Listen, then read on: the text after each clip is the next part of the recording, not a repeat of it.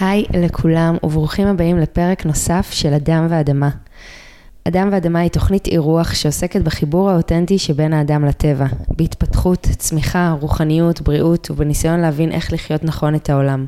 בשנתיים האחרונות מצאתי את עצמי לא מעט מסתכלת מסביבי וקולטת שכמות התוכן שגורמת לי להרגיש טוב שנמצאת פה בחוץ היא מאוד מצומצמת. ובדיוק מתוך זה הגיע הפודקאסט, מתוך השאיפה לתת פה פלטפורמה שתוכל להעניק לנו כלים לממש את שיא הבריאות הפיזית והנפשית שלנו. אני באמת מאמינה שזה אפשרי כל עוד ניתן את התנאים הנכונים והמאפשרים ביותר לגוף ולנפש שלנו. וככל שאני לומדת וחוקרת ומעמיקה יותר, אני מבינה כמה ההשפעה יש לאורח החיים שלנו על הבריאות והשמחה שלנו. אני משתדלת לדייק את התכנים שאני מביאה לכאן לפודקאסט דרך התחושות של מי, שלי, של מה הייתי שמחה לשמוע, מה הייתי רוצה ללמוד, להעמיק בו, איזה מידע ייתן לי כלים להתפתח כאישה בעולם, ובעיקר פשוט בשביל להיות אדם שמח יותר. יש כל כך הרבה דברים שאני צמאה ללמוד עליהם, שבא לי לשאול, לדעת, להטיל ספק ולבחור מחדש את הדרך שלי, מתוך מקום חופשי ומודע. ובדיוק אה, על זה אנחנו הולכים לשוחח היום, על אה, חופש והמון המון המון מעבר. אז בפרק הקרוב אני מארחת את חן עתיד. חן הוא מורה ומחנך בתיכון הרדוף. מלמד אנתרופוסופיה קרוב ל-30 שנה באנגליה, גרמניה, ארה"ב וכמובן כאן בישראל. ואב לשלושה ילדים. אז תהנו מלא ותספרו לנו איך היה.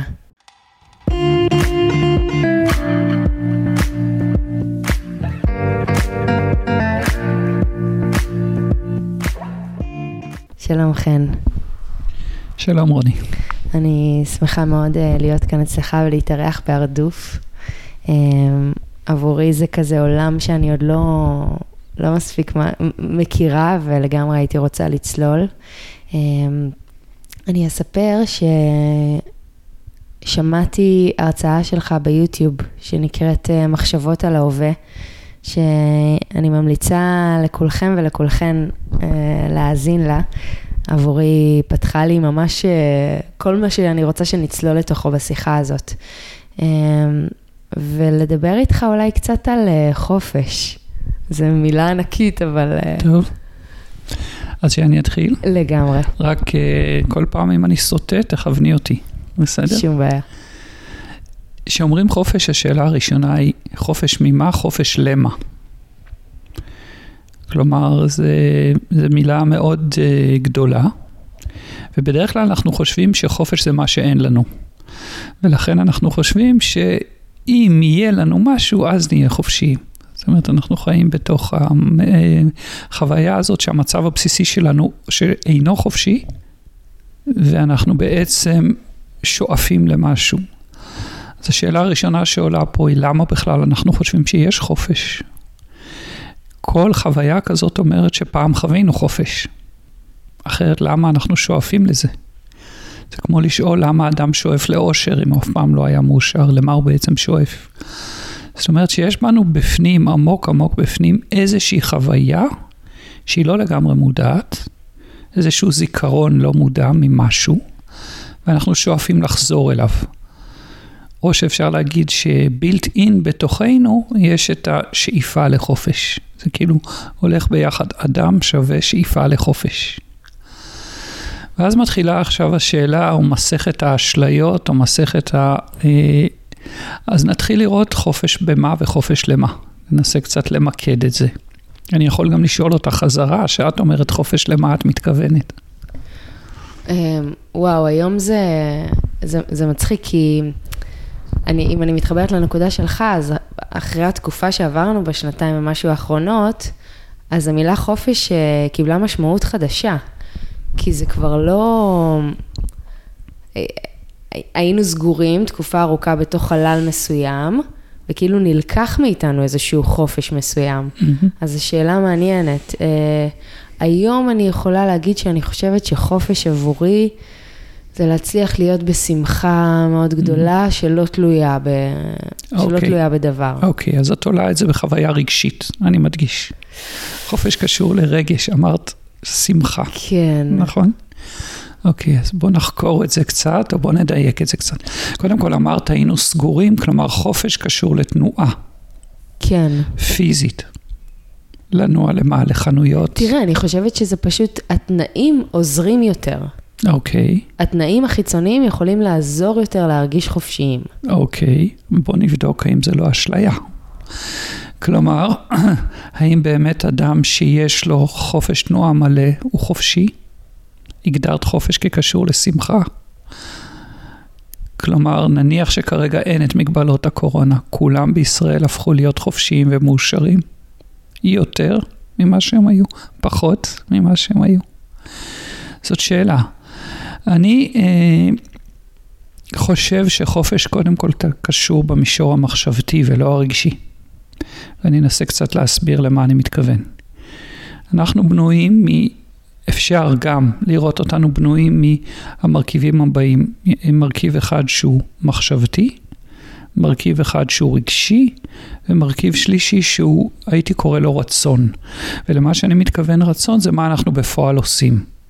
אני רוצה רק לדייק את זה, כי אם נגיד יש אדם שאומר, הייתי מאוד רוצה כל בוקר לעשות ספורט, אבל הוא לא עושה, סימן שהוא לא רוצה. כי הגדרת הרצון אצלי זה מה אתה בפועל עושה. בפועל הוא מעדיף לעשות משהו אחר. אם האדם אומר, הייתי מאוד רוצה נניח להפסיק לאכול סוכר, אבל בפועל הוא רוצה לאכול סוכר. את מבינה? אז אני אומר, רוצה לא מה הייתי רוצה במובן של המושאל פה, המושג רצון. במובן העשייה תכלס. במובן מה בפועל אתה עושה. אז אני עוד פעם אגדיר את זה, מה אני חושב, מה אני מרגיש, מה אני עושה. אלה מישורים שונים של החיים, שהכי טוב אם הם כולם זורמים ביחד. בדרך כלל יש ביניהם דיסוננס די גדול.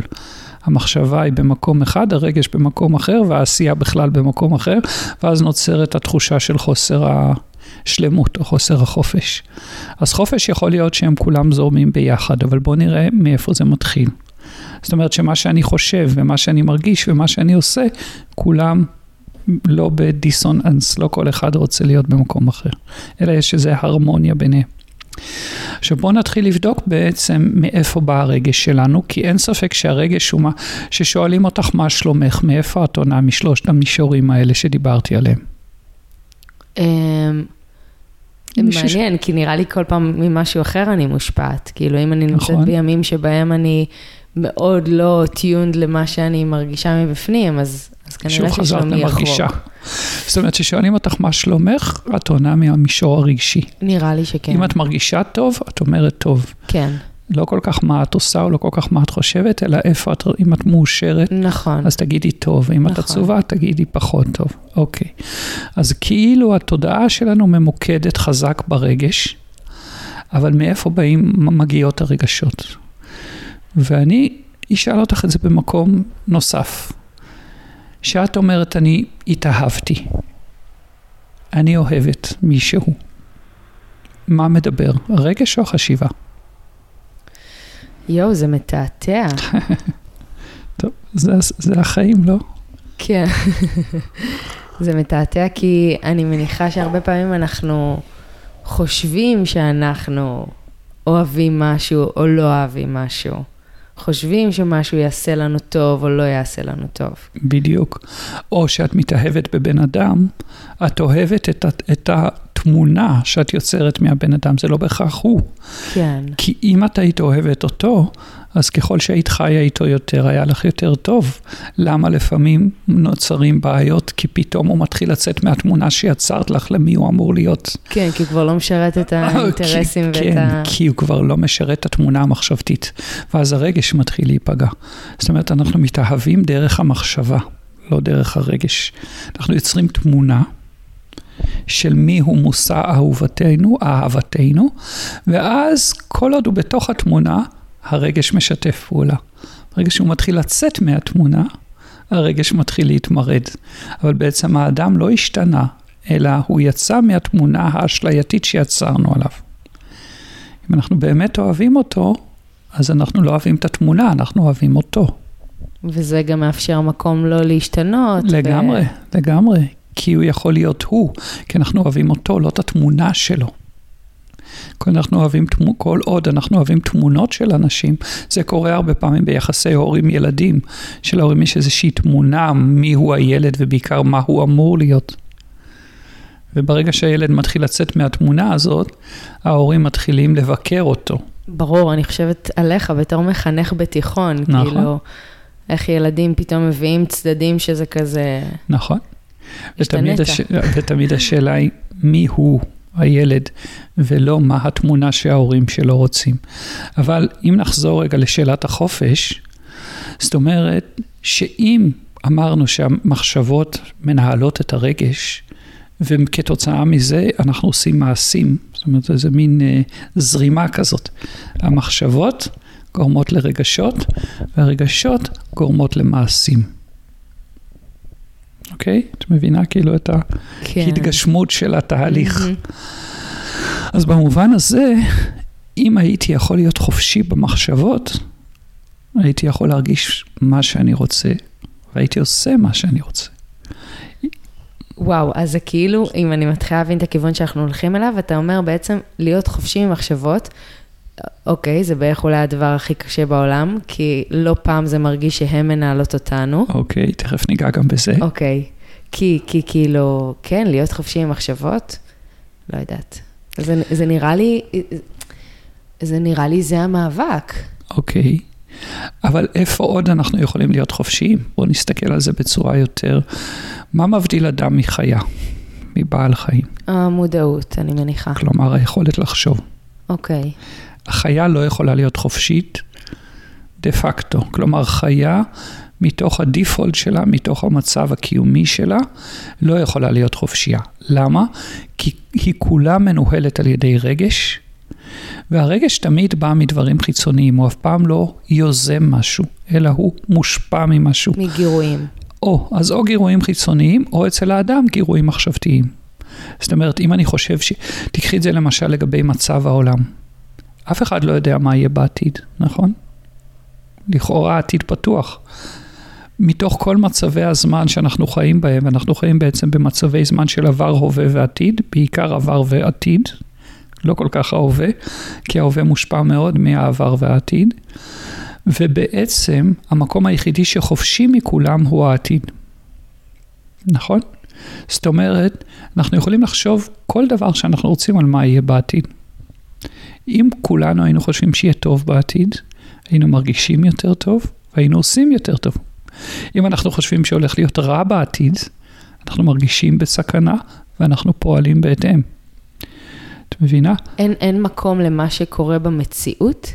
תגדירי מציאות. כאילו, אם אני רגע מתייחסת סתם על המצב האקלים, על הגלובל וורמינג, על הזה, אז אני יכולה לנסות לשכנע את עצמי אולי שיהיה טוב. סתם, אני נותנת דוגמה, אני לא בהכרח כן, מזדהה כן, איתה. אוקיי. אבל כאילו אין מקום לזה שיש הוכחות מסוימות לזה שזה לא הולך אה, למקום טוב? בואי נגדיר מציאות. כי זה אחד הכי, הדברים הכי מתעתעים. כרגע, לך, רוני, אוחנה, הקיץ האחרון היה יותר קשה מכל קיץ אחר, היה יותר חם. כרגע הסתיו הזה הוא יותר לא. קשה. אז למה. את חושבת שמשהו באקלים? כלומר, יש לנו, תראי, גם המדע עובד ככה, המדע עובד לפי זה שהוא עושה דגמים, את מבינה? אז הוא לוקח מציאות מסוימת, הוא לא לוקח לא מצב, הוא לוקח עובדות מסוימות, לא נקרא לזה מציאות, הוא לוקח התבוננות מסוימת, והוא מנסה לעשות עליה איזה שהן השערות עתידיות, לנבא. אבל מי אמר שהעתיד יפעל בהתאם למה שקורה עכשיו, את מבינה? הוא אומר שאם אנחנו, איך אפשר לדעת מה יקרה באטמוספירה? נבנה אטמוספירה קטנה במעבדה, בתוך זכוכית, נשים שם גזים, נוסיף כל פעם עוד איזה גז, נגדל שם איזה צמח ונראה מה קורה לו. מי אמר שהאטמוספירה של כדור הארץ מתנהלת כמו קופסת זכוכית בתוך מעבדה? את יודעת שכל יום נכנסים לכדור הארץ כמות עצומה של מים מהחלל? כל הזמן נופלים גושי קרח לתוך האטמוספירה שלנו, זאת אומרת שכל המים שאת שותה הם בעצם מים קוסמיים, מים שבאו מהכוכבים. את מבינה? כאילו, השאלות האלה שאנחנו, אנחנו בעצם התקבענו בצורת חשיבה מסוימת. וברגע שאנחנו חושבים בצורה מסוימת, זה כבר מכתיב את הרגש שלנו, וזה מכתיב את המעשים שלנו.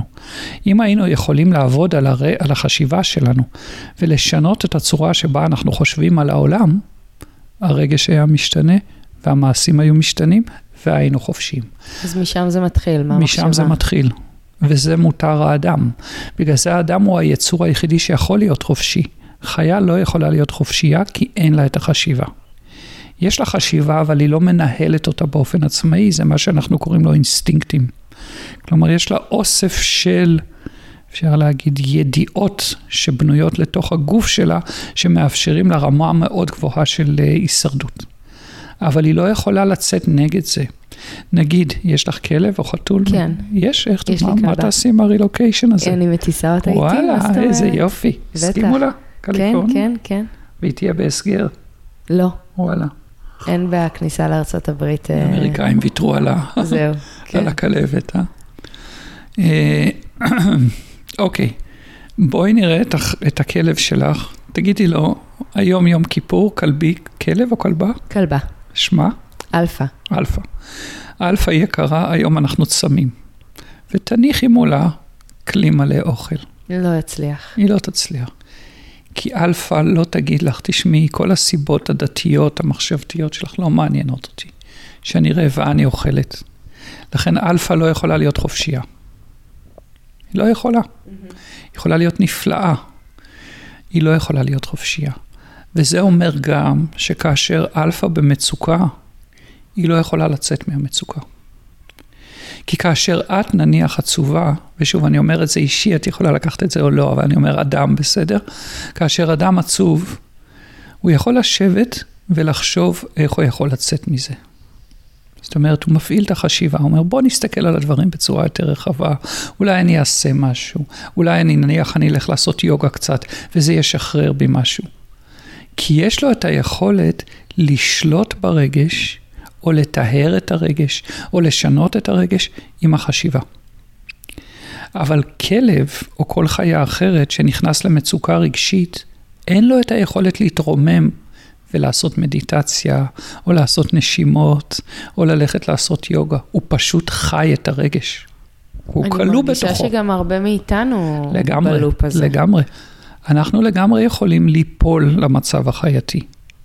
כי יש בנו גם את החיה. אבל יש בנו גם את המלאך. זאת אומרת, אנחנו יכולים ליפול למצב החייתי, אנחנו יכולים להתרומם מעליו. אבל זה דורש תרגול, זה דורש לנצל את הפוטנציאל. בגלל שהחשיבה היא מקור החופש, אי אפשר לכפות על אדם להיות חופשי. הוא צריך לבחור בזה. הצלחת לבחור בזה, ב... כן, אם אני יכולה לשאול כן, אותך? כן, ואני גם בטוח שלך היו רגעים כאלה, כי אמרתי, עצם המחשבה על החופש אומר שחווינו אותו. כן. אז אין ספק שהיו לך רגעים כאלה. ברור, אני גם כאילו בטוחה שיש כאלה שנגיד מקשיבים לנו עכשיו ואומרים, מה, אני פרחתי בתקופה של הקורונה. אה, הקורונה, כן. הקורונה הייתה דוגמה קלאסית לזה שניסו לכפות עלינו צורת חשיבה מסוימת, קולקטיבית, גלובלית.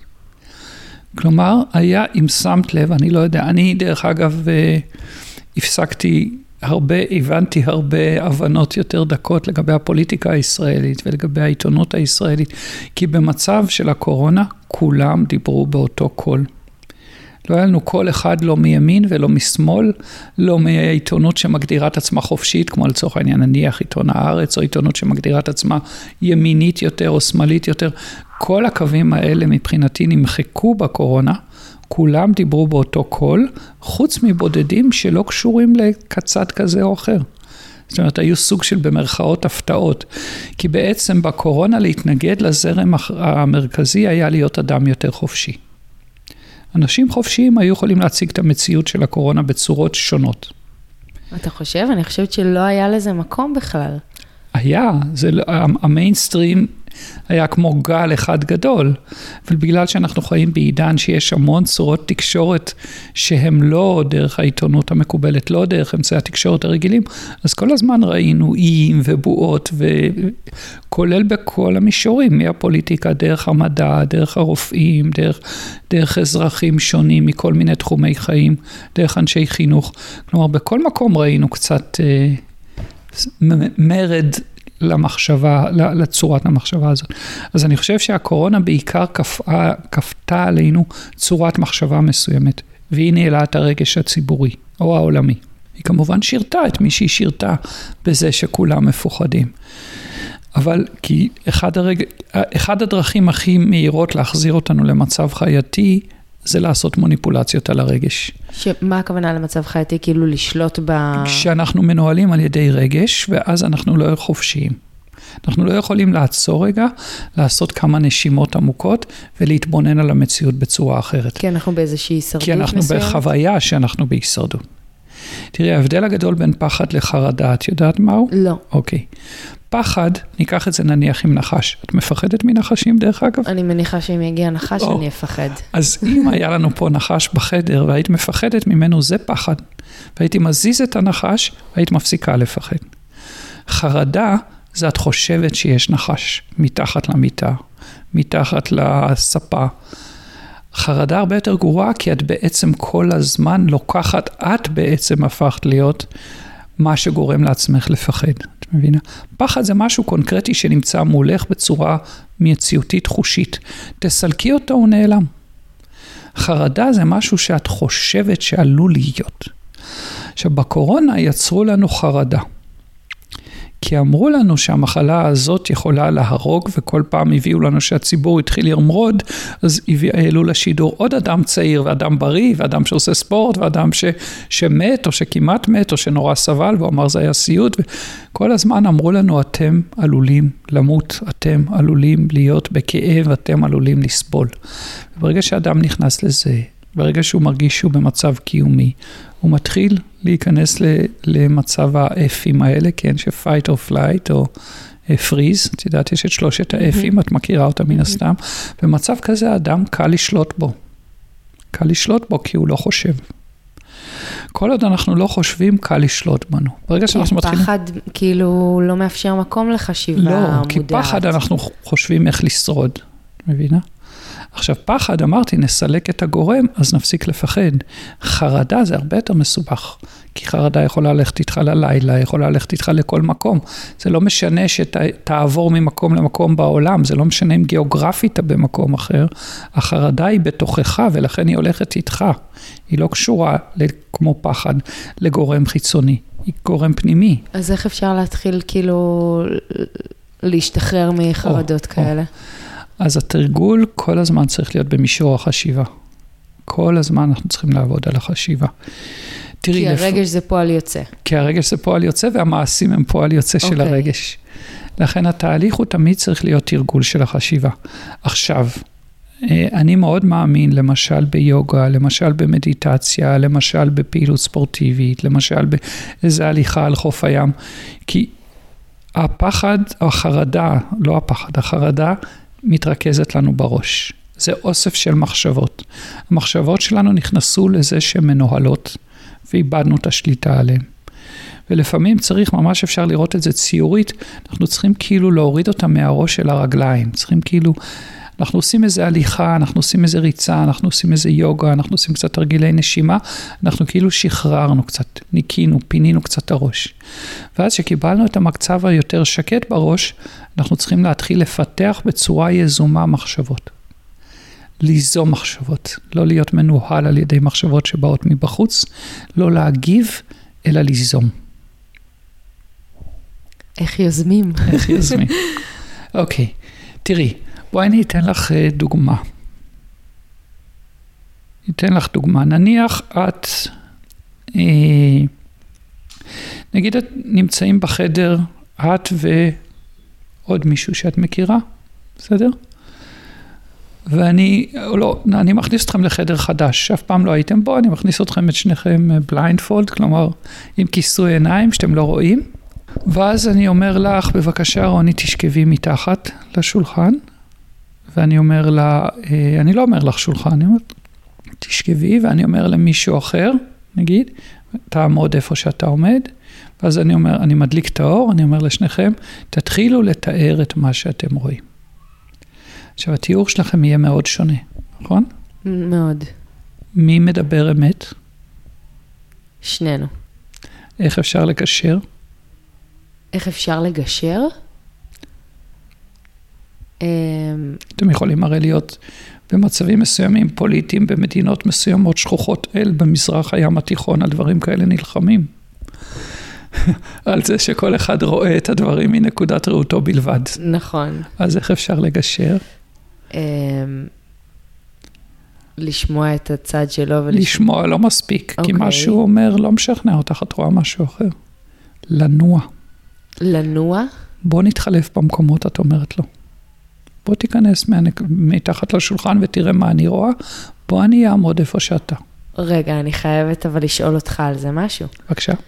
אז מה זה אומר בואי נתחלף במקומות? מה, כאילו אני אפתח רגע חדשות לא, וינסה להבין אני לא קצת- אפתח חדשות. אז אני, מה? אני אנסה לחוות את המציאות כפי שאני רואה אותה, כמו ששאלתי אותך קודם על הקיץ ועל הסתיו. מה אני מרגיש בסביבה שלי? אני מכיר אנשים שחלו, מה מצבם? מה זה כל כך נורא?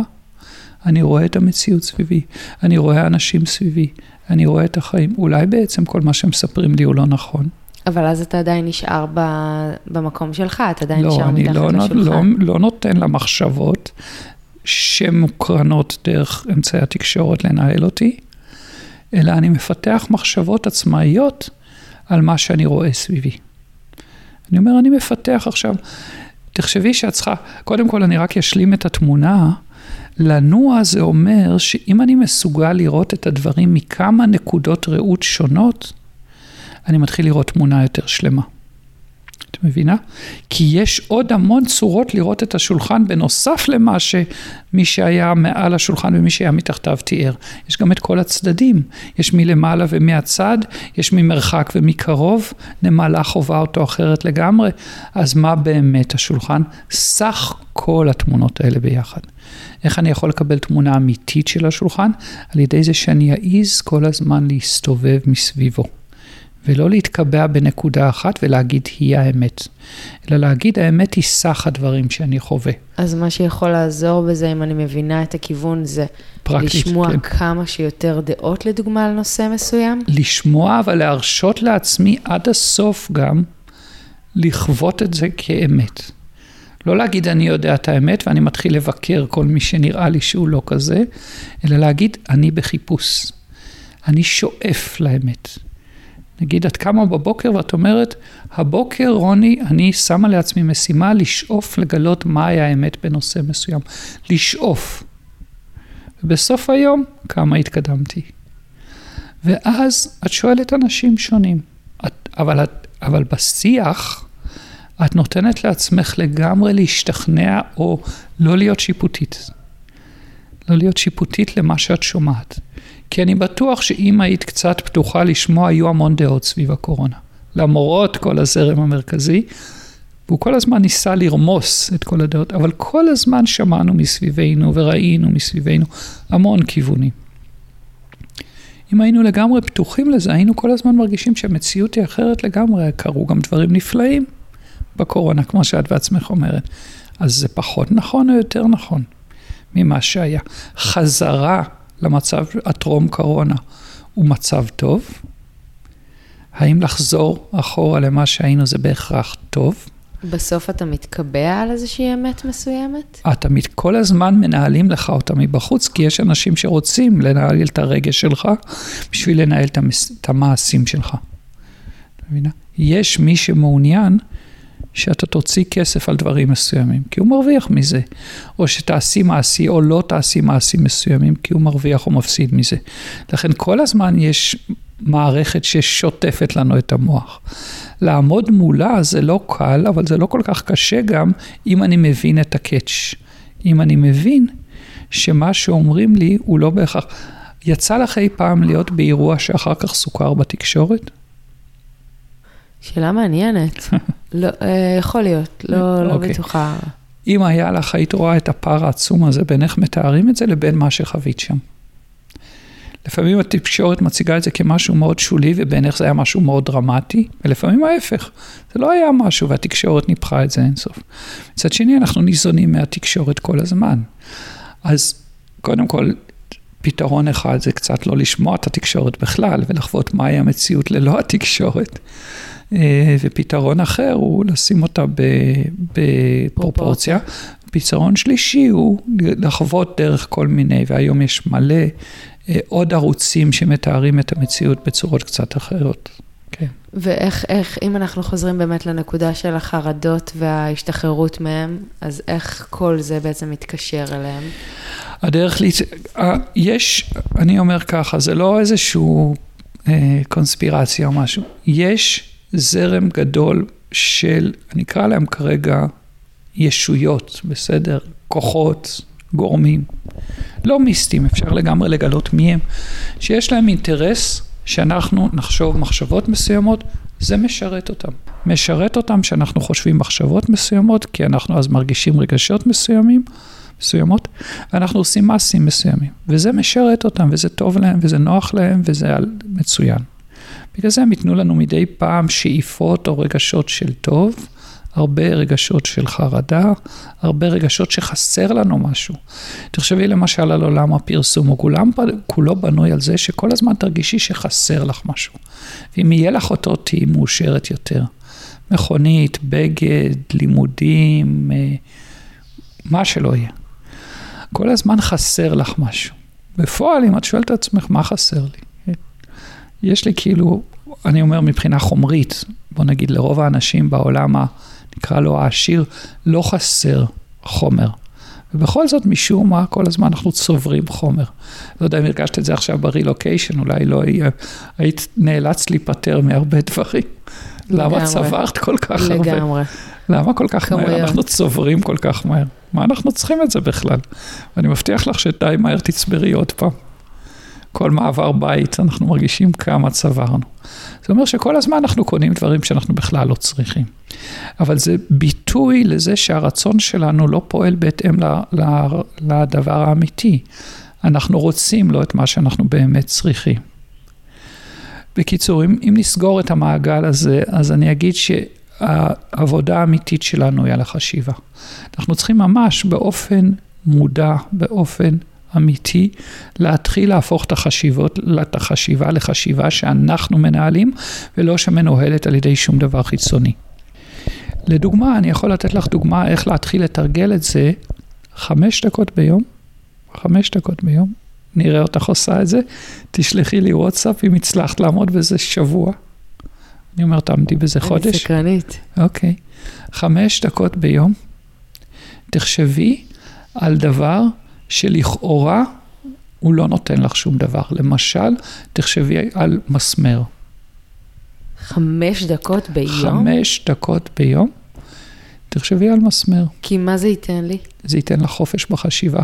כי את חושבת על מה שהחלטת לחשוב, ואת לא חושבת על מה שהעולם מביא אותך תראה, לחשוב. תראה, זה גם קטע מטורף. כאילו, אתה אומר למוח שלך לחשוב על משהו, נכון. והוא לא מצליח לחשוב עליו. אז בגלל זה אני אומר, ת, תתרגלי. זה כמו ספורט, זה כמו יוגה, בא אליך איזה קרש שאף פעם לא עושה יוגה, הוא לא יכול להתכופף. את עובדת איתו איזשהו זמן, פתאום, אז אותו דבר, זה סוג של שריר במרכאות שאנחנו לא תרגלנו, המוח.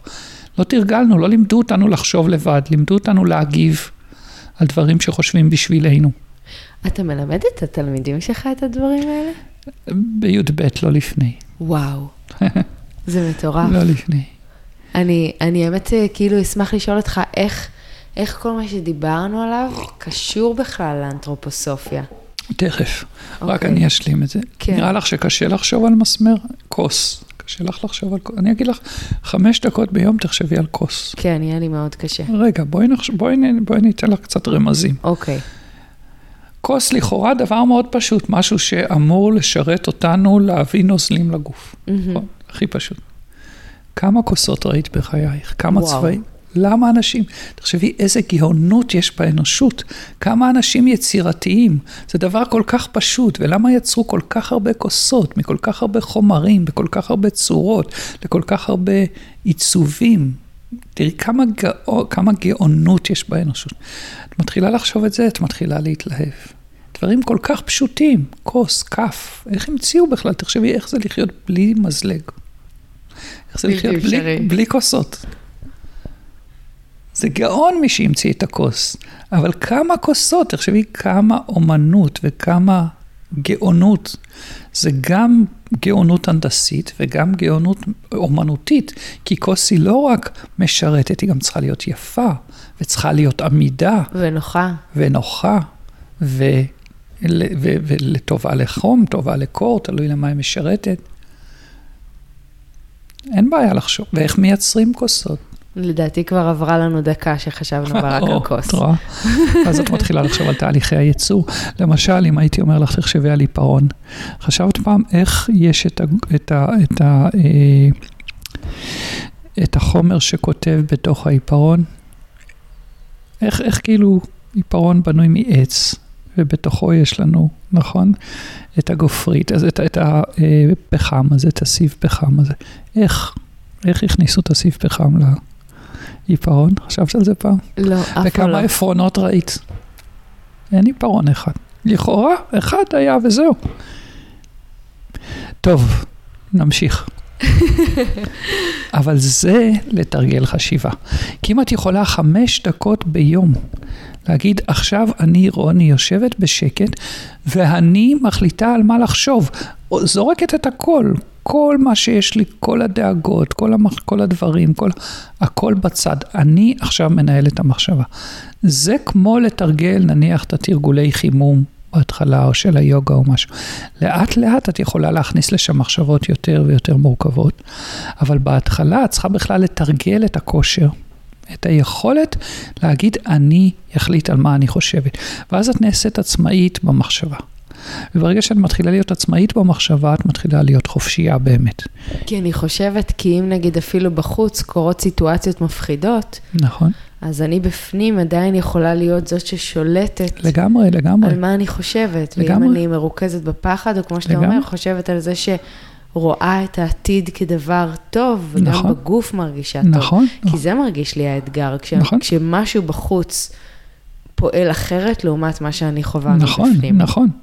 אבל את יכולה לראות את מה שקורה בחוץ מהרבה מקומות. לא אני- להתקבע. אני על, על חושבת- הדיפולט, על מה שהרגילו אותך. אני חושבת רגע על עצמי, שאני סוחבת עם עצמי הרבה זמן פחד של להיכנס למעליות, קצת, אוקיי, קצת אה, קלסטרופוביה כן, וזה. כן, כן. ואני אומרת שאני אני עדיין אה, כאילו חושבת על המחשבות מפעם, במקום כן, כאילו להתחיל ל- לייצר בתוכי מחשבות נכון, עתידיות על נכון, הפעולה הזאת, נכון. ואולי איכשהו, נכון, אבל הנה, את בדיוק הגדרת מצב איך הרגש משתק לך את החופש.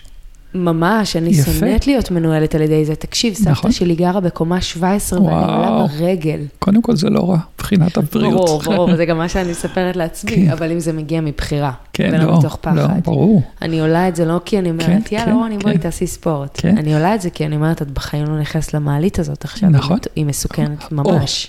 עכשיו בא הדבר הבא, מסוכנת למה? מה יכול לקרות? אתה יודע, מכאן לא, אתה בוא כבר נלך עד כאילו, הסוף, הדברים לא... קודם כל להיתקע בפנים. ואז מה? להיתקע וש... ושאף אחד לא ישמע אותי, לא יראה אותי, לא יהיה מי. שיציל אותי. אוקיי, כן.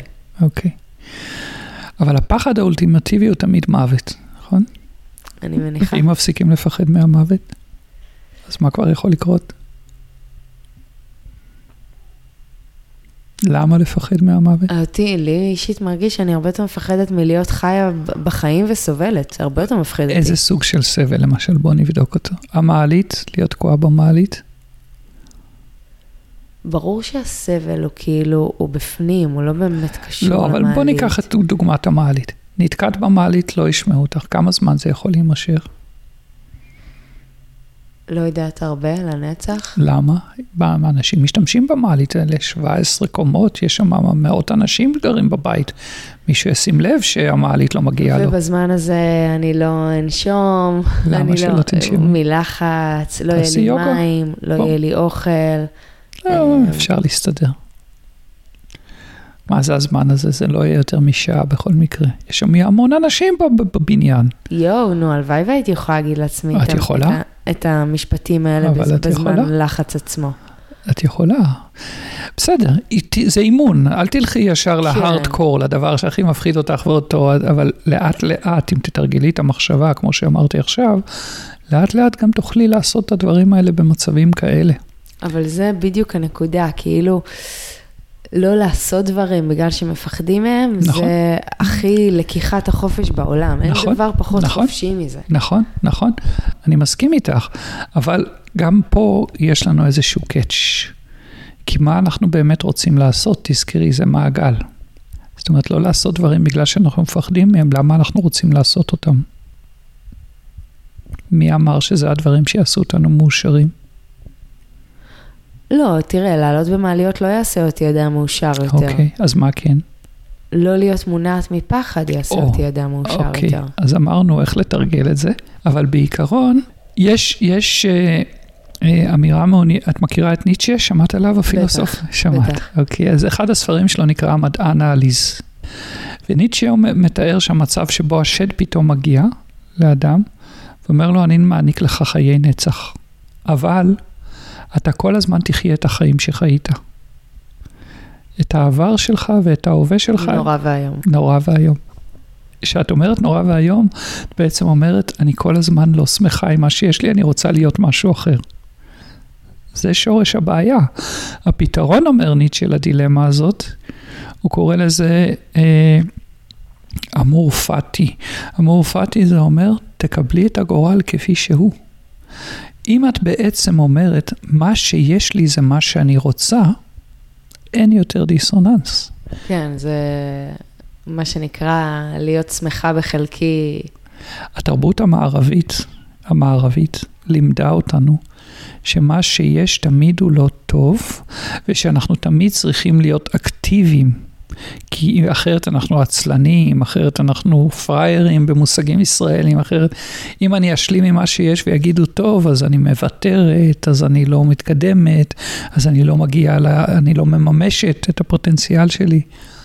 את מבינה? אנחנו מראש מניחים שיש איזשהו יעד שאנחנו צריכים להגיע אליו, ולעולם לא נגיע אליו משום מה. כן, אבל גם לא הייתי רוצה להיות פסימית לחיים. לא, לא אמרתי פסימית. כאילו, אני אמר- כן אוהבת את השאיפות שלי ואת ה... אוקיי. אבל אני אומר את מקום הקבלה, את המקום של הקבלה, את מבינה? כי בעצם את אומרת כל הזמן, מה שמונע ממני להיות מאושרת זה שאני לא יכולה לעשות את מה שאני רוצה. אז השאלה היא, אם צריך לחסל את ה... יש, אפשר לפתור את זה בשתי, בשני דרכים. אחת, כאילו, ב- יבוא איזה קוסם ויגיד לך כל מה שאת רוצה אפשרי. השני, להגיד לך כל מה שאת רוצה נמצא על ידך, רוני. תחשבי איזה כיף זה, את יודעת מתי את באמת מרגישה את זה? אם קורה לך איזשהו משהו שמונע משהו מהמציאות הקיימת שלך. נניח שברת פעם משהו, יד, רגל, לא, טפו לא. טפו טפו, תודה. טפו טפו לא. אדם קרוב אליך פעם היה בסכנה שחשבת שאולי הוא הולך למות או משהו, או היית מודאגת לגביו. מהמם. איזה אושר זה היה פתאום לראות שהוא בסדר. וואו. אבל הוא כל הזמן בסדר, למה את לא שמחה מזה? למה את צריכה את המצב הזה בשביל לדעת כמה יש לך? נקודה היה- מטורפת. היה. לך פעם שהרגשת שאין לך אוויר לנשום? כן, בטח. איזה כיף לנשום, למה את לא שמחה? שאת יכולה פשוט לנשום, וואו. שאת יכולה פשוט לשתות מים, שאת יכולה פשוט להיות מוגנת, שאת יכולה לטייל, שהרגליים עובדות, הידיים עובדות, איזה כיף, למה לא לקום בבוקר ולהגיד איזה כיף לי שאני, מה יש לי, ולא איזה ייאוש מה אין לי. שוב, כי כאילו אנחנו לא מספיק בשליטה על המחשבה, אז באופן אוטומטי נכון, הולכת נכון, למקום נכון. של מה חסר לי ומה אין לי. בדיוק, כי אז כל הזמן אנחנו נשרת, נקנה ונקצה ונעשה ונעשה. קודם כל להגיד איזה כיף מה שיש לי, איזה כיף וואי, מה איזה שיש כיף לי. מה שיש לי. נכון, אני אומרת את זה כבר עכשיו. נכון, וזה הכל נכון, כי באמת יש לך כל כך הרבה. יש לך גוף שעובד, איזה כיף זה, וואו, ממש. נכון? ממש. לנשום, לאכול, לנוע, איזה כיף. זה יש כיף, לך זה מילה אדם שאת קטנה. אוהבת, איזה כיף. חלום. יופי. אז קודם כל, לחיות עם זה. גם במעלית לחשוב על זה. נכון? אבל אני אומר, איזה כיף מה שיש.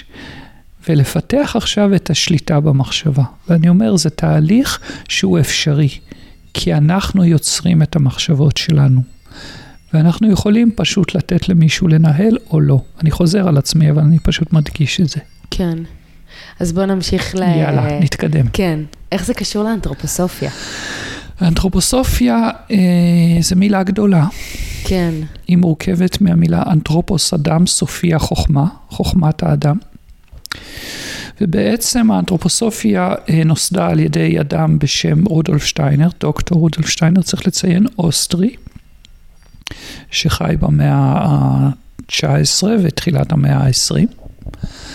והוא בעצם, במובן מסוים, הוא אמר דברים דומים מאוד למה שאני אומר, בצורה קצת יותר מורכבת, אבל הוא שם לעצמו מטרה לאפשר לאנשים להתעורר למרכיב האנושי שבהם, כלומר למרכיב של החשיבה.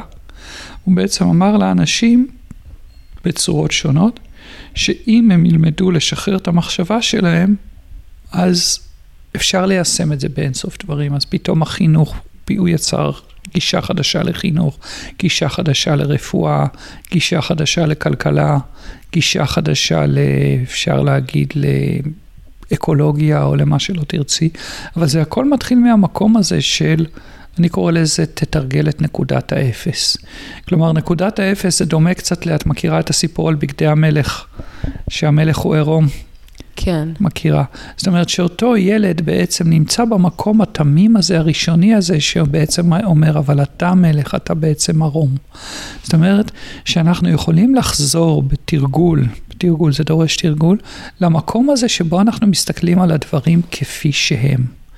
לא כפי שחונכנו ולא כפי ששטפו לנו את המוח ולא מתוך הפחדים שלנו ולא מתוך השאיפות שלנו, אלא מתוך ה... לראות את המציאות כפי שהיא. וברגע שאנחנו באמת עושים את זה, אנחנו מגלים עולם מופלא. ואז הכל פתוח בפנינו. ואז אנחנו רואים שבעצם המסלול שאנחנו נמצאים הוא, הוא המסלול שלנו, הוא הכי מתאים לנו, מה שאפשר לקרוא לו גורל. אנחנו כל הזמן מנסים להיאבק נגד הגורל שלנו.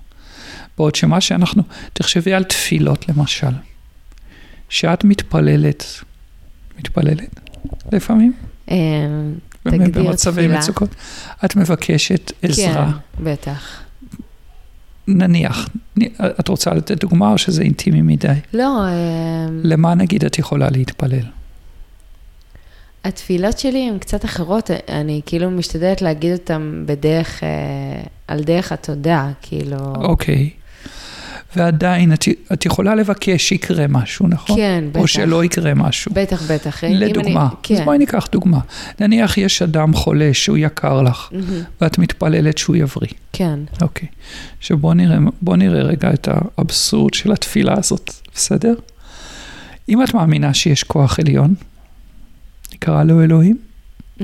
שהוא מנהל את העולם, את בעצם אומרת לו, תשמע, אלוהים יקר, אתה לא יודע איך לנהל את העולם. כי אתה לא מנהל אותו נכון, במקרה של אותו אדם חולה. אני יודעת איך צריך לנהל את העולם. בוא תקשיב לי רגע. תעשה מה שאני אומרת לך. זה בעצם סוג התפילה הזאת, נכון? אם אנחנו מאמינים באלוהים, אז מה שהוא עושה, הוא עושה מחוכמה גבוהה מאוד, שאנחנו... ואז בעצם התפילה צריכה להשתנות. צריכה להיות, תעזור לי להבין למה הדברים שקורים הם קורים כך. וזו תמונה אחרת של המציאות, את מבינה? לא, עוד פעם, חזרנו לתמונה המערבית, תן לי את הכוח לנהל את המציאות. וזה גם מה שהוביל, קודם אמרת, לאסונות האקולוגיות וכו', כי אנחנו כל הזמן חושבים שאנחנו יכולים לנהל את החיים ואת החומר, ואנחנו יכולים להוציא ממנו ולהשתמש בו, אנחנו כל הזמן מרגישים, זה משחק של כוח. במקום להגיד, בוא נלמד מהחומר מה הוא רוצה. קחי לדוגמה את המים. המים, המצב הטבעי שלהם זה לנוע בצורה שדומה לנחש. אולי ראית פעם אם פתח צינור מים ונתת לו פשוט לעשות מה שהוא רוצה, הוא התחיל להתפתל. למה? כי המים כל הזמן הם נעים בין שני כוחות. הכוח הרוחני של המים זה להיות כדור. איפה אנחנו רואים את זה? בכדור הארץ כולו. כולו הופך לטיפה, נכון? או אם נשים מים בחלל, הם יהפכו לכדור. אז המים שואפים להיות כדור, זה המהות שלהם. אבל הם מאוד טובים, אז הם מתמסרים לכוחות הכובד. כוחות הכובד רוצים שהם יהיו קו. ובתנועה הזאת בין כדור לבין קו ישר, אנחנו רואים את כל התנועות של המים בטבע. עכשיו, מה בא האדם? הוא אמר, אני אשלוט במים. אני אזיז אותם בקווים ישרים. המים אומרים לו, זה לא המהות שלנו. ואז פתאום נוצרים שיטפונות. ופתאום אנחנו רואים שנוצרים, למה? כי המים מתחילים לזוז, וכל הזמן יש לחץ על אגדות שהאדם מנסה ליישר, עד שהם נשברים בסוף, ואז האזור מתעגל. אנחנו רואים את זה בצינורות, אנחנו מנסים להזיז את המים בקווים ישרים, וכל הצינורות שלנו מתפוצצים בסוף, יש לנו שיטפונות, ויש... כלומר, אנחנו לא מתבוננים בטבע, ואומרים לו, ספר לי. במקום להגיד לטבע, אנחנו ננהל אותך, אנחנו אומרים לו, בוא נלמד ממך. עכשיו, זה נכון לגבי הגורל בכלל. במקום להגיד מה אני צריכה להיות, להגיד מה בא לקראתי. איזה הזדמנויות נפתחות בפניי? מה מתבקש? איפה אני רואה מצוקה שאני יכולה לעזור? מה העולם אומר לי? אקולוגיה באה במקור מהמילה אקוס בית.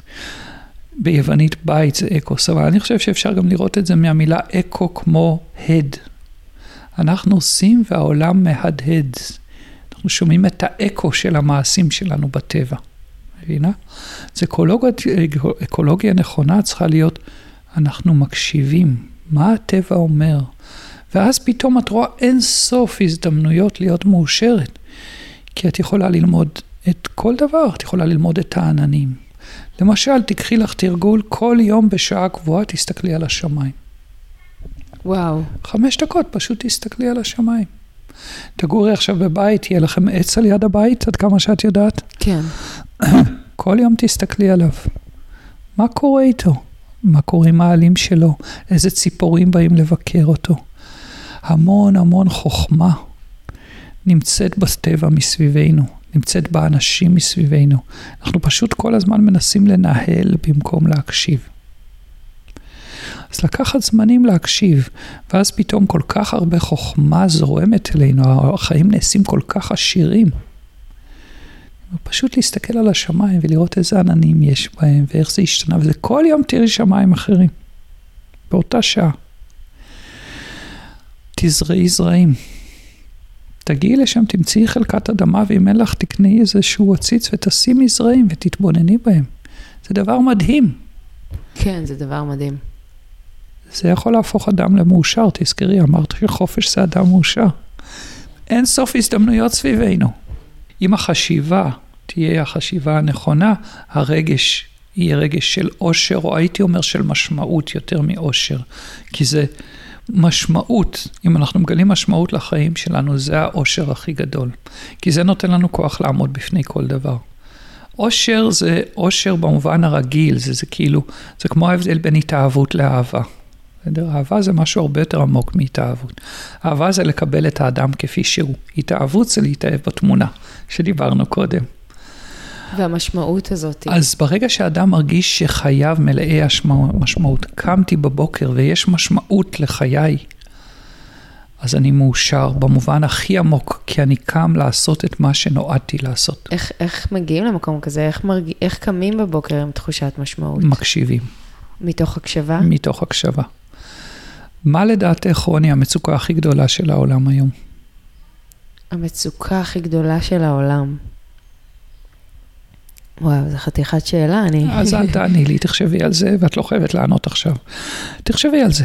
אני חושבת שהיא אישית, כאילו, יותר, בתחושה שאנשים לא נמצאים בכיוון של עצמם בכלל. אוקיי, אז מצאת את הייעוד שלך, לעזור לאנשים למצוא. כי כל אחד יחווה, מישהו אחר יגיד המצוקה הכי גדולה זה ילדים באפריקה, מישהו אחר יגיד המצוקה הכי גדולה זה המזון, מישהו אחר יגיד, יש מלא מצוקות. אבל אם את מקשיבה טוב, בתוכך את יודעת מה המשימת חיים שלך. לא, אני בהלם ממה שאתה אומר עכשיו. כאילו אני בעצם יכולה לשאול את עצמי, או כל אחד שמקשיב לשאול את עצמו, מה בעיניו המצוקה הכי גדולה בעולם, וזה יוביל אותו. למשימות של חייו. אני בשוק. למשמעות שלו. מה המצוקה הכי גדולה בעיניך בעולם? חוסר החופש בחשיבה. וואו. וזה המשימה, אני מורה לזה. לא משנה מה אני מלמד בבית ספר, זה מה שאני מלמד מה באמת. מה אתה מלמד בבית ספר בפועל? אני בבית, בבית ספר מלמד מדעים, ביולוגיה, יואו, בא לי לחזור לתיכון עכשיו. למשל במתמטיקה. כן. מתמטיקה, תחשבי על המספר אפס. מהו? את יודעת שעד המאה ה-16 היה אסור להשתמש בו באירופה, כי אמרו שזה רמאות. אנחנו לוקחים אחד ומוסיפים לו אפסים, ואנחנו כל פעם מגדילים אותו פי עשר. זה באוויר, לא מוסיפים כלום והוא גדל. אבל מהו אפס? ברגע שהם המציאו את המספרים השליליים, אפס פתאום המספר הכי גדול בעולם והכי קטן בעולם, הוא בעצם האמצע של הכל. אבל הוא כלום. במרכז העולם נמצא כלום. ויש אין סוף לפניו ואין סוף מאחוריו, אבל הוא עצמו כלום. חשבת על זה פעם? אפס עומד באמצע. בקיצור, זה לא משנה הנושא, זה משנה מה אנחנו עושים דרכו. כי מורה צריך קודם כל להיות מחנך, והמקצוע זה רק כלי. אז אני מנסה לחנך ילדים דרך המקצועות השונים שאני... תקשיב, אני עדיין ב... נחזור לגילוי העצמי. אני בטירוף מזה, כי אני, כי כאילו, אני, דרך הפודקאסט, דרך היוגה, דרך הדברים האלה, אני ממש כאילו משתדלת. נכון, או, אז זה בדיוק מה שאת צריכה לעשות. וואו, איזה קטע. אדם בפנים חופשי, ואדם בפנים יודע מה ייעודו. עכשיו מתחילות המעטפות. הפחדים, החינוך, המסורת, התקשורת. אנחנו כאילו, זה מטורף, התחלנו מאיך להיות אדם חופשי, ואנחנו עוברים לאיך אדם מגלה את הייעוד שלו. שזה הדרך לחופש. כי אדם שנמצא בתוך ייעודו הוא חופשי.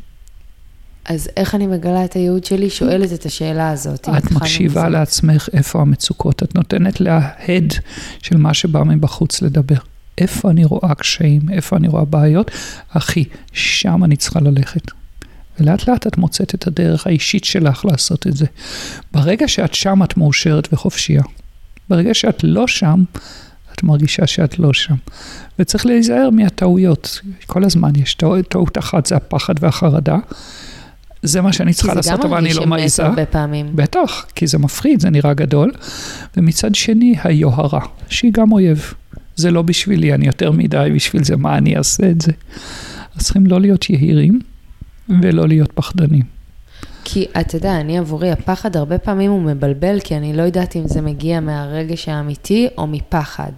אף פעם לא, לא, אז... פחד אמר חרדה, תבדילי. כן. פחד זה דבר קיומי, עומד מולך. אוקיי, נכון. אם המעלית באמת נתקעה, יש סיבה לפחד. אם היא לא נתקעה, זה חרדות שהיא תיתקע. נכון. היא עובדת. את מבינה? זה ההבדל. מעלית תקועה זה כן, פחד. כן, פשוט הרבה מעלית פעמים... מעלית לא תקועה זה חרדה. אנחנו פשוט ש... הרבה פעמים כל כך מאמינים לחרדות האלה. לגמרי. שזה כבר מרגיש האמת, ואז נכון. מפה להתחיל לשאול נכון. את עצמי מה האמת, זה מבלבל. ותזכרי שחרדות תמיד קשורות לעתיד. מה עלול לקרות, לא מה קורה. זה יציאה מהמציאות. 아, אני מבינה, אז כאילו בשביל שנתחיל לגלות הייעוד שלנו, אנחנו צריכים להיות, לעבוד ממה שיש עכשיו, לא מ... בהתבוננות, okay. אוקיי. בהקשבה. בשימת לב, בהתבוננות אחורה, בשאיפות קדימה, לא להתעלם מהם, אבל להתבונן, פשוט להיות באיזשהו שקט. מה בא אליי? מה בא לקראתי? את מבינה? באים אליך דברים כל הזמן, תקשיבי אליהם, תאבדי אותם, ת... ולאט לאט את מגלה, ואת תראי שהמקומות שתהיי הכי מאושרת, זה המקומות שתרגישי שאת אכן עושה את מה שאת מרגישה שהוא נכון לך. אם את אומרת שזה בא בפנים, ובן אדם אמר, עזרת לי, את מאושרת. כי עשית את מה שאת מרגישה. עם זה אני מאוד מסכימה. אני יופי. לאחרונה מאוד מרגישה שמה שנכון לך זה מה שטוב לך. נכון. ש... שהרבה נכון. פעמים אנחנו כאילו מחפשים מה נכון לי, מה לעשות, מה זה. וזה, אתה מקבל פידבק מאוד חזק מהגוף, נכון, שטוב לי, נכון, שאני מאושרת, נכון, שזה נכון, המקום נכון. שלי. ולא לפחד. פחד זה אויב. מתגברים על הפחד, מקבלים את האומץ על ידי אהבה. אבל מה זה אומר להתבונן במה שמגיע? עכשיו בן אדם באמת מתלבט אם להיות, ללכת ללמוד עריכת דין, או ללכת uh, סתם, אני מנסה כאילו... כן, אז למה הוא רוצה ללמוד? להוריד את זה לפרקטיקה כדי יאללה, לעזור לאנשים. אוקיי, למה ללמוד עריכת דין? בשביל שיגידו שאני אדם חכם? לשאול את לא... עצמי שאלות. בטח. ולראות איפה עובד שם הפחד ואיפה עובדת היוהרה. מה אני רוצה שיאהבו אותי, בגלל זה אני הולך ללמוד אריכות דין, אז אני רוצה שיאהבו אותי, לפחות להיות מודע למה אני רוצה. עכשיו להתחיל ולבדוק, אם זה שאני רוצה שיאהבו אותי מנהל אותי, אז אני עוד פעם לא חופשי. אז אני צריך להקשיב. אני תמיד חושב שהדבר שהכי עוזר זה לנסות ולראות איפה אני רואה מצוקות, כמו שאמרתי לך קודם. כי זה קריאה, קריאה פנימית שבאה אליי מתוך הגורל, את מבינה? אין, אין מצוקה שאני רואה בעולם שאני לא יכול לתרום משהו ולשפר אותה. כי אני אסור לי לגמד את עצמי ולהגיד אני לא יכול לעשות כלום, ואסור לי לנפח את עצמי ולהגיד אני יכול לעשות הכל. להיות במקום הנכון. אבל בעיקרון, איפה אני רואה מצוקה? זאת השאלה האמיתית שאדם צריך לשאול את עצמו, וכשהוא נמצא בהתלבטות, הוא צריך תמיד לראות מה מניע אותי. ואם המניע הוא פחד, או נגיד חרדה לצורך העניין, נדייק את המושגים, אם המניע הוא חרדה, או יוהרה, אני מרגיש למשל שאני מאוד רוצה לעשות משהו, אבל זה נחשב נחות בעיניי, אז אני יהיר. מבינה? להיות מטאטא רחובות, אני לא אהיה. למה? אולי זו עבודה נפלאה בשבילי. זאת אומרת, לא להיות יהיר מדי, או לא להיות בחרדה מדי. וללכת מתוך המקום שמוביל אותי לאיפה אני רואה את המצוקות. אני חושב שזה יכול לעזור.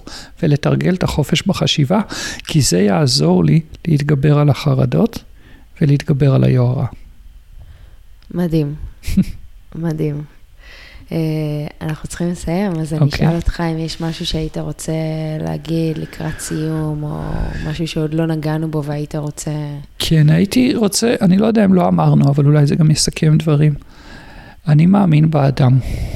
אני מאמין שאדם נולד ויש בתוכו את כל הפוטנציאל להיות אדם מאושר ואדם חופשי. והוא צריך להגדיר לעצמו שזה הדבר הכי חשוב בחייו. לא המקצוע שלו, ולא התארים שלו, ולא המעמד הכלכלי שלו. המשימה שלו היא להיות אדם חופשי ומאושר. זאת המשימה. ולא להתפשר עליה, ולא לוותר עליה, ולהאמין שהיא אפשרית, תמיד היא אפשרית. אם נקרא את אה, אדם מחפש משמעות של פרנקל, גם בתוך המצבים הכי קיצוניים אדם יכול להיות חופשי. והחופש קשור במציאת משמעות, והחופש קשור בניהול המחשבות.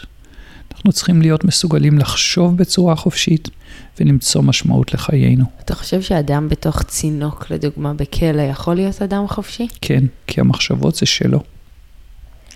הוא יכול לפתח שם את המחשבות הנכונות, והוא יכול גם שם. כי אדם שיש לו לכאורה מיליונר, יכול להיות לא חופשי. זה רק מראה לך שזה לא תלוי, זה בטוח יותר קשה בצינוק. אבל אנחנו רואים אנשים, מאושר, אנשים עשירים מאוד ועם יותר חרדות מאשר אנשים שאין להם כלום.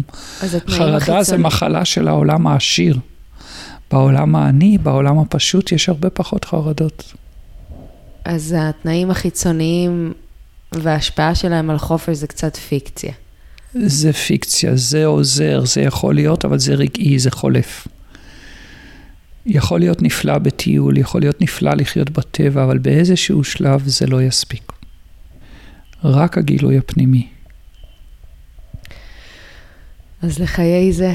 לחיי זה, רוני, ובהצלחה במסע. תודה רבה, רבה רבה, חן עתיד, נהניתי מכל רגע. לכם אני אגיד שאם נהניתם מהפרק, אתם אה, ממש מוזמנים להפיץ ולהעביר אותו הלאה, ונתראה בפרק הבא.